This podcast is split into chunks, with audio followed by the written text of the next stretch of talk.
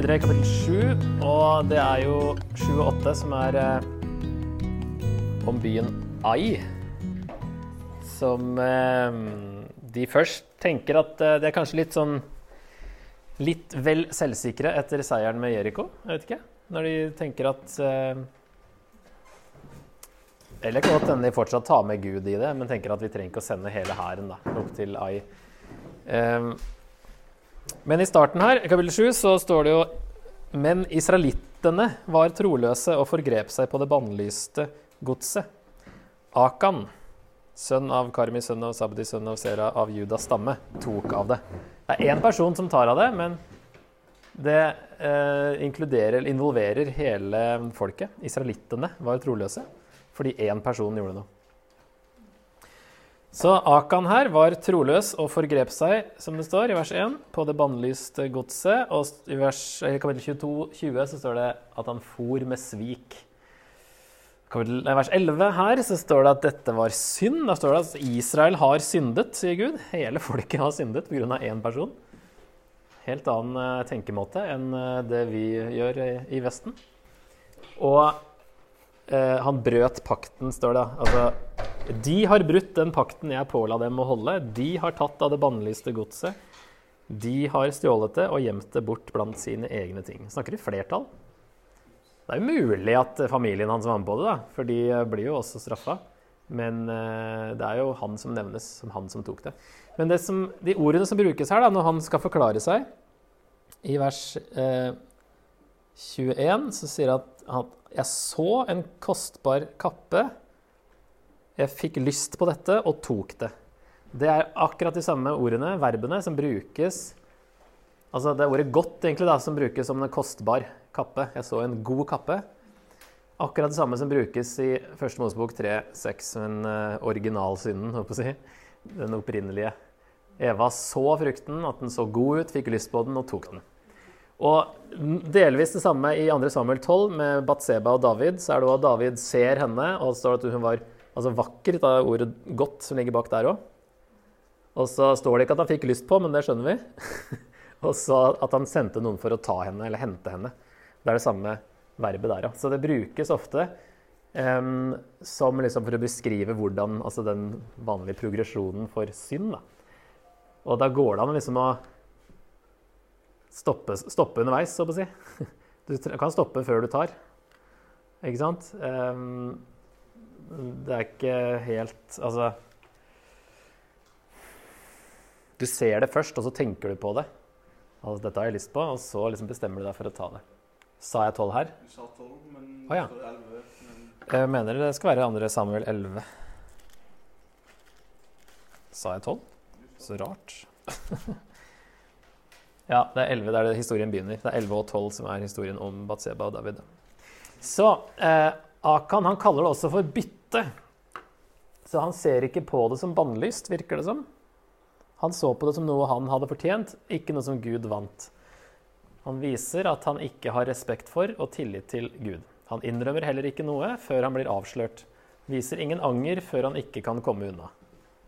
Det er en loddkastning for å komme fram til hvem han er. sant? Og han eh, holder tett i tilfelle han kommer seg unna. Så veldig kollektiv tenkning her, at familien også straffes. Og som sagt, da, de kan ha visst om det og ikke sagt noe, eller at de var med på det. Eller et eksempel på at fysisk død i GT ikke nødvendigvis betyr fortapelse. Physical death as punishment for sin was given prominence in Old Testament times. This shows God's displeasure with sin. Conclusions as to the eternal destiny of individuals so punished had better not be made too rashly. Altså, Gud eh, bruker fysisk død som straff for synd i GT, og det viser hvor, si, hvor lite han liker synd at han stopper det på den måten. Men konklusjoner når det gjelder den evige skjebne av disse personene som ble straffa på den måten, de bør vi ikke eh, trekke for fort. De konklusjonene om at de var syndere alle sammen, eller de døde uskyldig eller, og gikk fortapt uh, uskyldig. Altså, det er ikke det samme. Å dø i GT er ikke det samme som å gå fortapt. Akordalen nevnes her, og den fikk jo navn etter denne hendelsen, da, selv om det nevnes liksom før uh, historien er ferdig. For det er et ordspill. da, Akord betyr ulykke, og ordspill med navnet Akan. Og så reiser vi den her store steinhaugen til slutt som et minnesmerke, som man da hver gang, hver gang man så den, så vil man uh, kjenne det litt, at uh, du skal ikke gjøre sånn som Akan gjorde. Og det er noen paralleller med Ananias og Safira i Apostelens gjerninger 5. De stjeler fra Gud og opptrer svikefullt og dør på stedet. Så kan man se at det er to kritiske tidspunkt i historien. Her er det inntagelsen av landet, og der er det utbredelsen av evangeliet. Det er starten på noe nytt og veldig viktig, og da kan man ikke gjøre sånn, og at det kanskje sprer seg i eh, kjernen av Guds folk. Ehm, at eh, det måtte slås hardt ned på oss, ikke flere gjorde det samme. Så det kan være en, eh, noe som kanskje forklarer litt hvorfor Gud gjør det sånn nå i Apostelens gjerninger 5. Da. En link til til Nytestamentet ut fra denne historien her, da, er at den som ikke har tillit til Gud, vil ikke få leve. Det er jo egentlig det samme som evangeliet, det òg. Det motsatte som i kapittel 2 med Rahab. Den som tror på Gud, blir redda. Den som ikke har tillit, vil ikke få leve. Og for oss, vi må ha tillit som sagt, til det Jesus gjorde, at det har noe å si for vår frelse. Og at Jesus står fra de døde. Det er mulig å tro på det uten at det skal ha noe åndelig betydning. At det er mulig at det har skjedd uten at det har noe åndelig betydning. Men Bibelen forklarer hva det betyr, og vi har tillit til at det stemmer, og at det frelser. Og De som ikke har den tilliten til Gud, det vil jo ikke få leve. Så på en måte så er det ikke så fjernt, da. Selv om det er snakk om fysisk død her, og ikke en åndelig død, som vi kanskje er mer vant til å tenke på. Ok, da har vi kommet til kapittel 9 og 10, og denne kapittel 9 er jo Gibeon som uh, sniker seg til en fredspakt. Men de, de, later som de kommer langt unna fra, fordi det snakker 15. Mosebok om også, at du skal ikke gå i krig med Altså tilby fred til alle andre enn de som bor i dette landet. Så de later som de kommer fra et annet sted, eh, og så at de da ikke går i krig mot dem. Så det er kapittel 9. Og så i kapittel 10 så er det de fem amorittkongene i um, sør som slår seg sammen og angriper Gibeon pga. denne pakten og pga. hva Israel har gjort med Jeriko og Ai. Så egentlig pga. det som har skjedd så langt i kapittel 6 til 9, så velger de herre kongene her å lage en eh, allianse mot Israel og Gibeon. Når de ser liksom at det her blir en trussel, og nå har de slått seg sammen med Gibeon òg, som var en ganske eh, stor, viktig by. Gibeon var en stor by, like stor som en av kongebyene, større enn Ai. Og alle mennene der var tapre krigere. Så det har liksom plutselig blitt en stor greie så i 10-2. Så de føler seg truet og lager en eh, motkoalisjon. da. Som da fører til at Israel tar den sørlige delen av landet her nede, og som er, har en oppsummering i slutten av kapittel 10. Og der når det står da Josva tok hele landet, så menes det da ikke hele landet, men det menes hele landet i sør. Hele området sør i den sørlige delen her, da. Så en foreløpig oppsummering av det han tok der nede. Og i kapittel 10 så er det jo noen veldig eh, interessante vers i 12 til 14, 15, 14 sto sola og månen virkelig stille i kapittel 10. På den dagen da Herren, det er vers 12, ga amorittene i israelittenes hånd, talte Josva til Herren. Han sa i israelittenes nærvær, Sol, stå stille i Gibeon, måne i Ayalons dal. Da sto solen stille, og månen stanset til folket fikk tatt hevn over sine fiender. Slik står det skrevet i Den rettskaffenes bok. Eller Jafars, nei, Yashars bok. Det er ikke alltid man oversetter det. Solen stanset midt på himmelen, og den skyndte seg ikke med å gå ned før en hel dag var til ende. Aldri har det, verken før eller siden, vært en dag som denne, da Herren bønnhørte en mann slik, for Herren førte krig for Israel. Ok, det er veldig interessant. Og jeg hadde aldri, jeg hadde ikke kikka inn i argumentene her, eller, eller tolkningene som ikke går Altså andre tolkninger enn at det faktisk eh, jorda stoppa å rotere, vil det da være det som faktisk skjedde. Det er en kristen myte som eh, flakser rundt på internett, har gjort det i hvert fall 20 år, om at NASA har funnet en missing day for lenge siden, som liksom er en bekreftelse. Så det, det er Skjønner ikke hvorfor kristne lager Eller det er kanskje ikke kristne som har lagd det, da. Men hvorfor i all verden lage en sånn greie? Så det Stemmer visst ikke. Men skal vi ta noen eh, argumenter her? Altså, I denne eh, Bible Background Commentary sto det interessante ting, bl.a.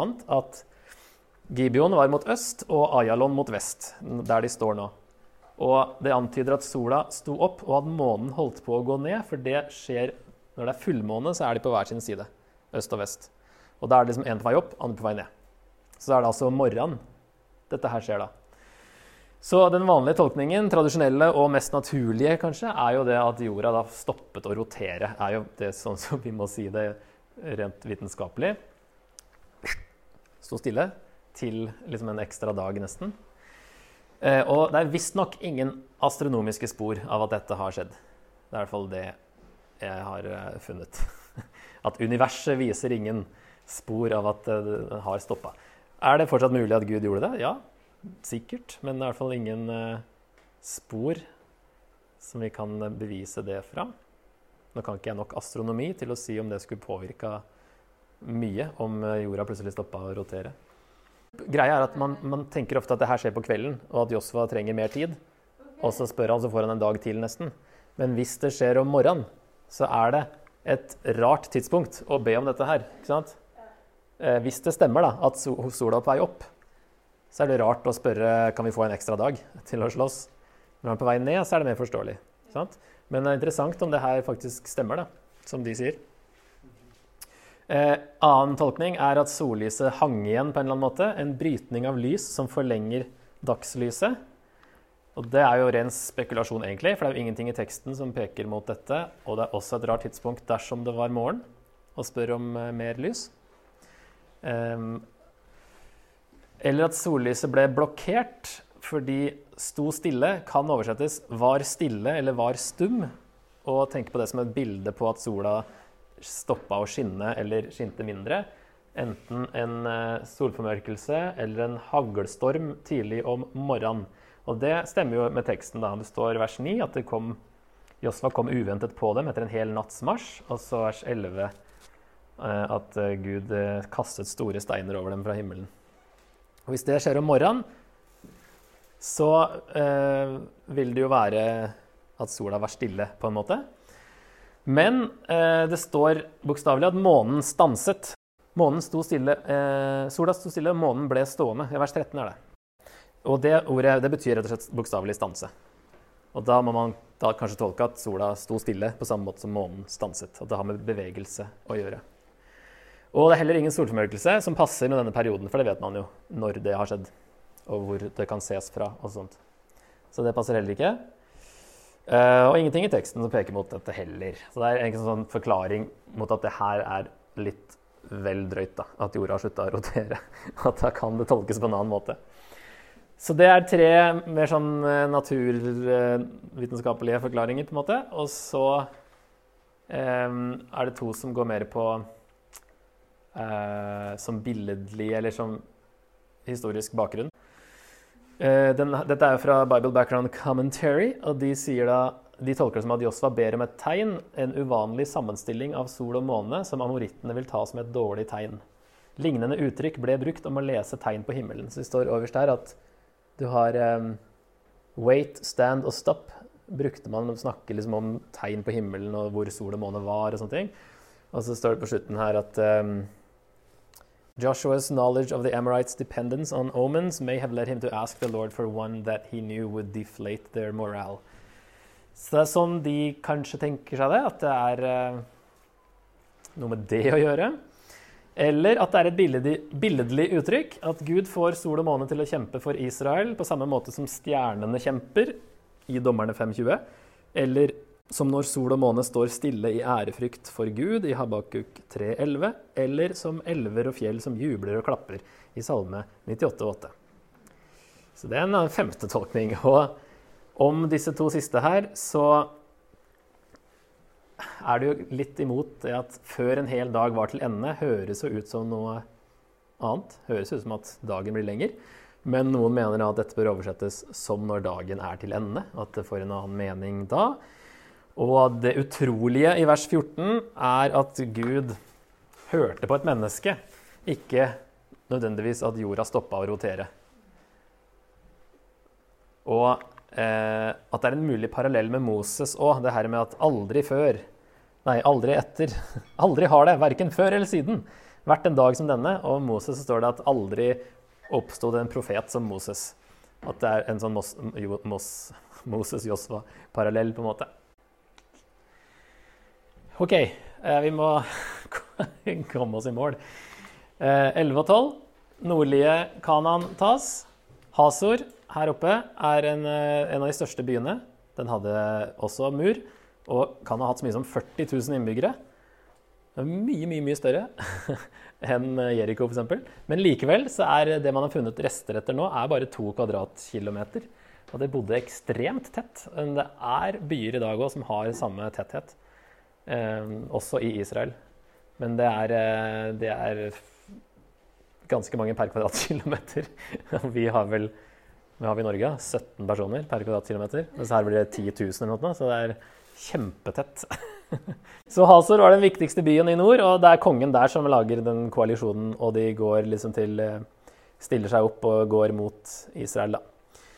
Um, og så er det en ny oppdatering og en ny oppsummering av hele erobringen i slutten av 11. Før kapittel 12, som er en, bare en uh, oppramsing av alle kongene de tok, så er det da en mer fullstendig oppsummering da, i slutten av 11 om at de tok hele landet. Men det betyr jo ikke at de har fått eh, alle ut, men de har fått overtak. De har tatt alle kongene. Og også konge kan også bety bare en sånn sjefen i leiren, liksom. Det er ikke, alle satt ikke i palass rundt omkring og, og var konger. Det er, det er, liksom han som uh, høvdingen, da, på en måte. Så det var veldig 31 av dem, så det var jo ganske mange sånne småhøvdinger rundt omkring. Småkonger. Så da har vi liksom tatt kjapt av den del én, og så skal vi ta enda kjappere, mye kjappere, del to og tre. OK, så eh, kjapt del to. Den at eh, landet fordeles og stammene skal selv drive ut. Um, I starten, da, i kapittel 13, så de landområdene som ramses opp der, virker det som at Altså der, det, der de ikke hadde inntatt, det virker som at det er lavlandet. Altså at Israel hadde fått feste oppe i fjellene, virker det som, mens kananeerne forble i lavlandet og ute ved kysten fordi Israel ble motløse pga. disse stridsvognene av jern som kananeerne hadde. Eh, så litt sånn eh, Frykta litt det, da. Det nevnes i kapittel 17 også, og i Dommerne 1 at det er et problem at kanonerene har stridsvogner av jern. Og det var visst sånne vogner som kunne tas fra hverandre og settes sammen igjen. Så det var liksom kunne transportere det rundt omkring, og det var en sånn ny eh, oppfinnelse da, som kanonerene hadde. Som gjorde dem litt overlegne. Men ikke for Gud, selvfølgelig. Men folket ble litt sånn øh, dette, Så når de først blir overlatt til seg sjøl og ikke er under Josfa, så er de litt mer sånn spake, da. Og så står det i kapittel 17 at kanonerene ble boende i hvert fall i Efraim og Manasseh. Det er jo ganske store områder. Vet, og denne sida her, kanskje, av Jordan. Ehm, der ble det boende, boende kanonere. Og i kapittel 18 der står det at de setter opp telthelligdommen i Shilo i Efraim. Ganske sentralt i landet. Her er Shilo, da. Jf. 4. Mosebok 1-10. Jeg tenker jo det er Kanskje de tenker på samme måten. da. Nå setter vi helligdommen midt i landet. Og så bor stammene rundt, på en måte. Det er i hvert fall sentralt, da. Og så er det jo, står den der i ganske mange år nå i starten. Og så står det i vers 1 at landet var nå underlagt, men det var ennå ikke inntatt, står det i vers 3. Så det er to forskjellige ting. Og det ser vi i boka her. De underlegger seg landet i første delen, men det er ikke inntatt likevel. Det bor folk der likevel, og de må drives ut. Så det var del to. Kjemperaskt. Eh, siste biten er altså epilogen, den eh, talen til Josva, og paktsfornyelse, der Josva oppfordrer dem til å tjene Gud og ikke avgudene. Som ligner jo på det Moses gjorde på slutten av femte Mosebok. Først i kapittel 22 så er det den misforståelsen om det alteret som de setter opp øst for Jordan, der de mener det skal være et vitne, bare så de ikke skal bli avskåret fra resten av folket. Eh, senere generasjoner skal skjønne at vi hører sammen. Og det skal ikke brukes til ofringer. Og det tror liksom de på vestsiden av Jordan, at de lager seg en ny helligdom, og det må stoppes. Så heldigvis så finner de ut av det, at det var egentlig det helt motsatte. De vil ikke bli noe annet enn resten av de andre stammene, da. De sier i hvert fall måtte Herren straffe oss, og måtte Herren, eh, hvis vi hadde faktisk tenkt å lage et alter for å ofre. Var det slik, da måtte Herren straffe oss for det. Nei, vi har gjort det fordi vi var bekymret for at deres sønner i fremtiden ville si til våre sønner, hva har dere med Herren Israels Gud å gjøre? Herren har jo satt Jordan til grense mellom oss og dere, rubenitter og gaditter. Dere har ingen del i Herren. Slik kunne deres barn få våre barn til å holde opp med å frykte Herren. Så er det stikk motsatte. Derfor sa vi, la oss ta fatt og bygge et alter, ikke til brennoffer og ikke til slakteoffer, men som et vitne mellom oss og dere og de slekter som kommer etter oss, om at vi vil gjøre tjeneste for Herren med våre brennoffer, slakteoffer og fredsoffer. Så skal ikke sønnene deres i morgen si til våre sønner at de ikke har del i Herren. Så veldig gode intensjoner, og langt ifra at de skulle lage seg en ny greie. Så er det Josva sin tale, og da sier han at det er fortsatt folk som må drives ut. Og eneste måten å få det til på, nøkkelen, er hold loven, hold dere til Gud, ikke bland dere med disse folkene og gudene deres. Det er eneste måten dere kan få til å få ut de folka her på. Det peker fram mot dommerne, der de neste generasjon og utover ikke gjør det. Ikke holder seg til Gud og ikke klarer å drive ut. Og til slutt at Gud ikke gidder å hjelpe dem heller, fordi de ikke eh, holder seg til ham. Og så Worst case her er jo at de sjøl vil miste landet. Som han sier helt til slutten, at uh, da vil Herrens vrede flamme opp, mot, ram, uh, flamme opp mot dere, og snart skal dere utryddes fra det gode landet han har gitt dere. Og det peker fram til helt på slutten av kongebøkene at det skjer jo da. Og likevel, selv om det er folk i landet, så sier Josva ikke et ord slo feil. Selv om det da bor folk der, så sier han i vers 14, understreker veldig dere skal erfare av hele deres hjerte og hele deres sjel at ingen av løftene som Herren ga dere, slo feil. Alt har gått i oppfyllelse. Ikke ett ord slo feil. Så det er oppfylt i kapittel 12. Alt Gud har lovt, men det gjenstår folk som skal drives ut. Så det er liksom en interessant Han har lovet det. Ingenting har slått feil. Ikke ett ord har slått feil. Men likevel så bor det folk der som dere må drive ut. Men Josva er i hvert fall veldig sikker på det, og eh, står jo tidligere og det som er nøkkelversene, slutten av 21, så står det at eh, alle, Siste verset 21. Alle løfter som Herren ga til Israels hus, ble oppfylt. Alt skjedde slik det var blitt lovet. Så understrekes mange ganger at det, alt skjedde som det var lovt. Så kanskje det var lovt bare at de skulle komme inn, og så skulle de ta resten sjøl. Ok, vi eh, har noen få minutter igjen. Kapittel 24 er paktsfornyelse, da.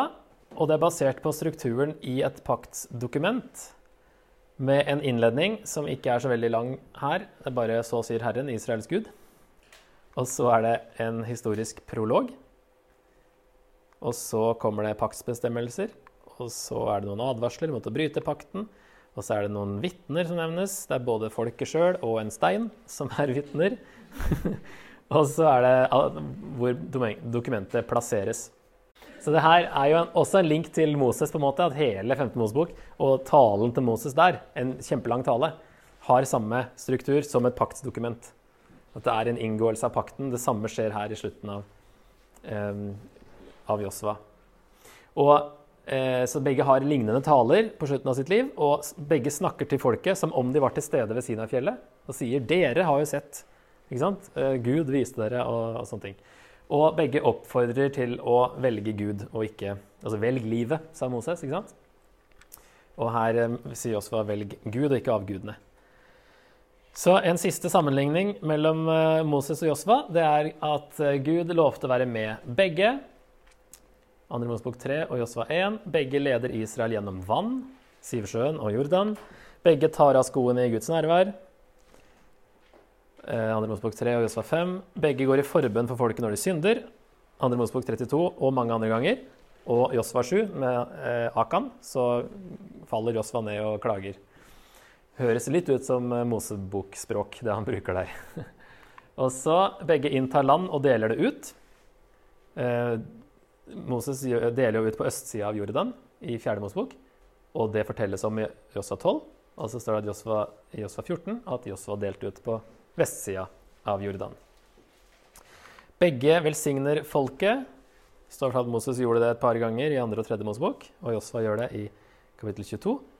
Og begge er mellommenn for den gamle pakta her i dette kapittelet. Så er det at eh, Josva eh, inngår eller har en paktsfornyelse med folket. Eh, Jesus i Josva. Hvor er Jesus i denne boka? At Jesus og Josva har jo samme navn. Så vi kan si liksom at Jesus, Josva bar Jesu navn i spissen for hæren. En dyp mening i at det var Josva og ikke Moses som førte folket inn i landet og delte det ut som arv. Ut fra også den linken som hebreerne lager, med at landet brukes som et bilde på frelsen. Og at hvilen Josva ga i dette midlertidige, denne midlertidige arven blir overgått av hvilen Jesus gir, som er en evig arv. Så da eh, blir jo den eh, navnelinken veldig tydelig, og bildet som, som lages i hebreerne. Og så har vi jo sett at eh, krigene var Guds dom over synd, og peker fram mot at Jesus en dag skal dømme verden. Folkeslagene dømmes av Josva, slik at velsignelsen i Jesus kan komme til alle folkeslag. Ved at Israel bevares som Guds folk fram til Jesus kom fra dem. Så det er fordi historien går fram mot Jesus at Gud dømmer folkeslagene her, stopper ondskapen, sånn at Israel kan bevares. Og at planen kan gå som han har tenkt. Og da skal jeg bare få fram det spørsmål som Dere har jo ikke så veldig mye tid til uh, å tenke på det, kanskje, men dere har jo i hvert fall ettermiddagen. Dere kan tenke resten av livet. Hva sier denne boka til oss? For det her Skulle gjerne hatt mye tid sjøl til å tenke på det. Men en veldig interessant tanke er jo at veien til sann suksess er lydighet mot Gud. Hva sier denne boka om hva dette innebærer? For det får jo Josva beskjed om å holde seg til loven. Det er nøkkelen. Og han sier det til folket. Hold dere til loven. Det er suksess. Altså lydighet mot Gud er veien til sann suksess. Det som virkelig eh, er verdt å oppnå. Eh, Gud er trofast og oppfyller løftene han har gitt. Vi må stole på at Ja, vi må også, da, sånn som de, stole på at Gud kan få oss inn i det lovede landet. Som vi står overfor, sant? som vi er på vei mot. Hele den parallellen i ødemarken mot det lovende land som vi så på Fjerde Mosbok, at vi òg er liksom på vei mot frelsen. Ingen kan komme inn uten å stole på Han. Vi må også ha tillit til Gud, til hans løfter, til hans makt til å overvinne fiender og motstand. Hva tenker du om dette? Gud er dommer over alle nasjoner, og krigen, krigene peker fram på når Jesus skal dømme levende og døde. Er dette en fjern tanke for deg? Hvorfor og hvorfor ikke? For mange er det i hvert fall en fjern tanke. Fire, folkets enhet og trofasthet mot Gud var jo et tema. Enhet blant Guds folk er fortsatt veldig viktig.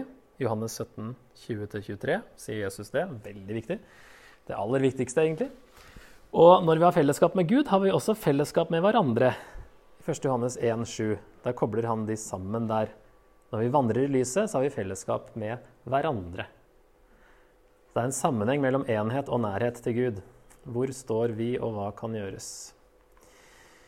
Og siste er et sitat fra siste kapittelet her. Et kjent sitat av Josva.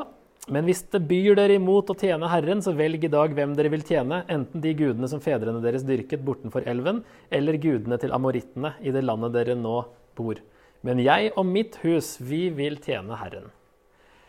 Avguder i vårt land kan være rikdom, suksess, nytelse eller anseelse. Hvordan kan det se ut å velge å tjene Herren og ikke disse avgudene? Noen eh, kaster ut noen tanker til å ta med dere videre.